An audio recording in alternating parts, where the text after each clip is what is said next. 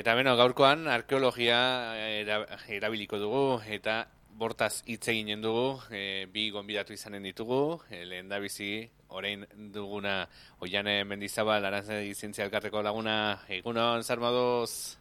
Kaixo, egunon. Bueno, aipatu barra, ja da induzketa lanetarako, bueno, pixkat e, lanak egiten hasi zaretela, hortxe, bueno, ja zuen e, induzketa lanen katalogoa atera duzutela eta pixkat e, jende animatzeko, induzketa lanetan parte hartzeko. E, nora doa kanpaina, e, zu? Hori da, bueno, baia gu burubelarri gabiltza arantzai zelkartetik prestaketa lanetan, eta hori, e, Nafarroko Pirineoi dago gionez, ba, bi induzketa kampaina egingo ditugu aurtengoan, horrek urtetan bezala, bat izango da e, auritzen, e, salduako azarnategi erromatarrean, eta bestea aurre Pirineoan e, artzibarren, artziko ermita eta jauregiaren eta inguru horretan. Eta bueno, aipatu dituzun e, bi lan horietan zu zara zuzendarietako bat, e, konta egozu pixkat e, hola zertzela handitan, e, zer da bi toki horietan, alde batetik zalduen eta beste batetik hartzin e, topatzen ohi duguna, o topatu duguna momentu honetan aino? Hori da, bueno, ba, ba esateko e, zalduari dagokionez, ba, herri oso bat e, dagoela ikusi dugu aurreko urtetako ikerketekin eta, e, gutxi gora bera auritze edo auritz berri gaur egun mhm. duen tamainoaren inguruko mhm. herrigune bat. Mhm. Beraz, e, pixkanaka pixkanaka egiten ari gerana da urteko kanpainetan, ba, e, galduta edo, edo astuta zegoen herri horren e, ezaugarriak, eraikinak, bertan biziko ziren biztan lehen eta e, aztarnak topatzen. Hori salduari dagokionez. Eta hartzin berriz, e, gu dakigula orain ez dago herri bat, mhm. izango zen e, kokagune txikiago bat, ba, mhm. gutxienez lau bost ere ikinez osatuta, mhm. biak egongo dira, e, ibainetako lepotik zehar, zeharkatzen duen galtzadaren ertzean, beraz pentsatzen dugu izango zela, ba, den leku bat, edo gaur egungo e, errepide edo autobidetan aurkitu dezakegun restop moduko baten funtzioa dengo zuen gunea hartzi Eta gutxi gora beraz, e, gareikoak e, diren e, aurreko badakizue?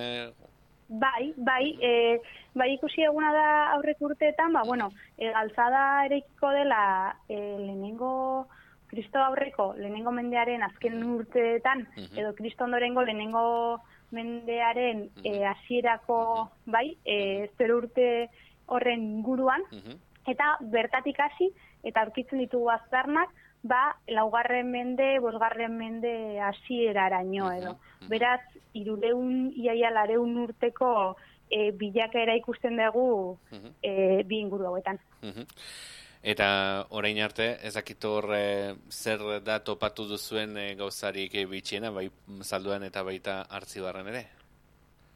Beno, ba, bigunetan, bai ari gerala industen e, eraikin bana, ikusi dugu bietan, hau, e, ikertzen ari geran eraikinak e, termak direla, hau da izango zirela e, orduko ba, bainu etxeak edo, eta e, behin hori jakinda, ba, egia esateko gauza nahiko, nahiko bitxiak topatu dira bai baten, eta bestea, agian aipagarriena zalduan izango litzateke, ba, ba gertu den urrezko eraztuna, e, baita ere agertu dira ba, zintzilitarioak, lepokoak, e, amuletoak edo kutsunak, e, hilea biltzeko erabiliko zituzten horratzak, e, ba, jendeak e, jantzerakoan eta erantzerakoan galduko zituen hainbat, hainbat objektu dira topatzen ditugunak. Jartzi barren ere, e, eraikuntza materialaz gain eta asko, asko agertzen zaiguna, badibiez, lehen gurteko orkikuntza berezinetako bat izan zan brotxe edo figula bat e, arrain forma, formakoa, ba, ba, nahiko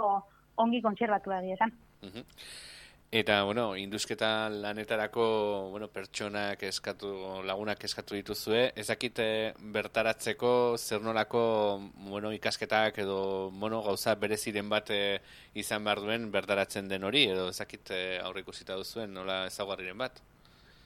Bueno, guk egi, egi esateko, bientxenetan eskatzen duguna da borondatea eta gogoa. Ikasteko, lan egiteko borondatea, eta horregatik, ba, bat dira luzetu nahi diegu, ba, bai, erroibar, auritz, luzaide, aezkoa inguruko edozein pertsona interesatua egon daitekena, ikasteko eta go, lan egiteko gogoa daukana, ba, arantza izin zelkarteko webgunean, bertan eskuragarri dago formulario bat, bertan e, izen, izen ematea ba, proposatzen diegu, edo dizuegu, eta eta ondoren ba horren arabera egiten dugu aukerak. Eta egia esan ba baliabide ekonomikoek mugatu egiten digute e, parte hartzaileen kopurua.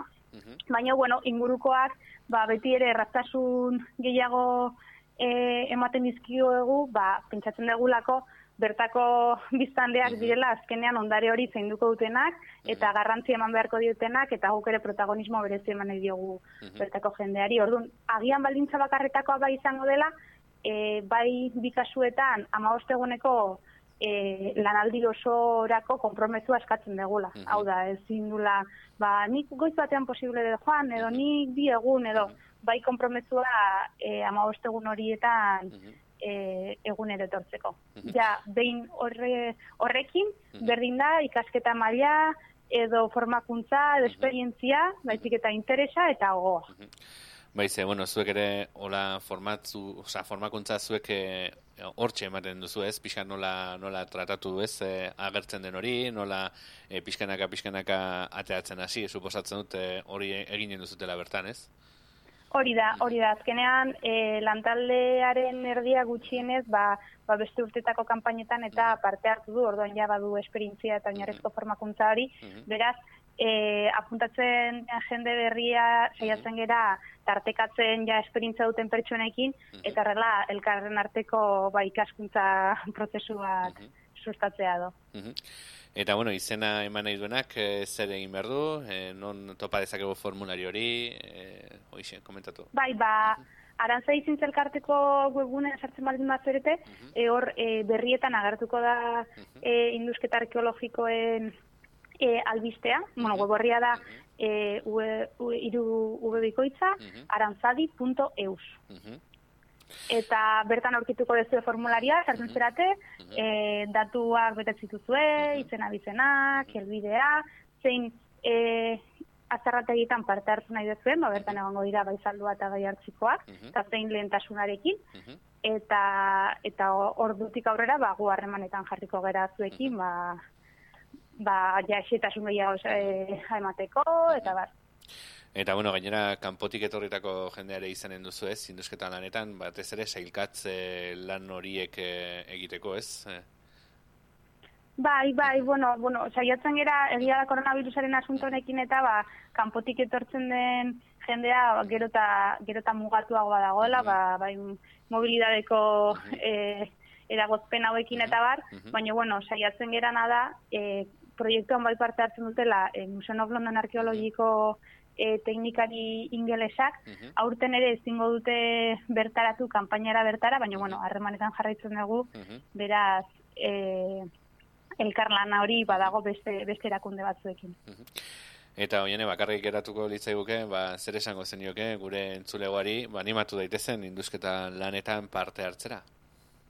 Bai, ba, bueno, e, udaran zeu zer desberdin egin nahi baldin badute, ikasi, e, ba, Pirineetako historiari buruz, eta, eta aletxo, aletxo bat gehitzen lagundu, ba, jakiteko e, gure arbasoak nola bizi ziren non eta bar, ba, ba animatu daitezela, nik uste dut esperientzia polita dela, bai e, arkeologia, historia edo inguruko alorretan e, formakuntza dukatenak, baina baita ere beste dozein pertsonak ba, interesa izan dezakena, eta eta hori harremanetan jartzeko gurekin eta gu pozik egongo gara ba beraien laguntza, zek animatzeko. Ba, oiane, eh, eskartzen izugu hemen egon izana, eta, bueno, ba, berre zenolako aurkikuntzak ematen dizkigun eh, aurtengo kanpainak, espero dugu dana ondo joate eta, oixe, aurkikuntza ugari eukitzea. Oixe, mila esker, gurean egon izanagatik. Bale, ba, zuei, arte.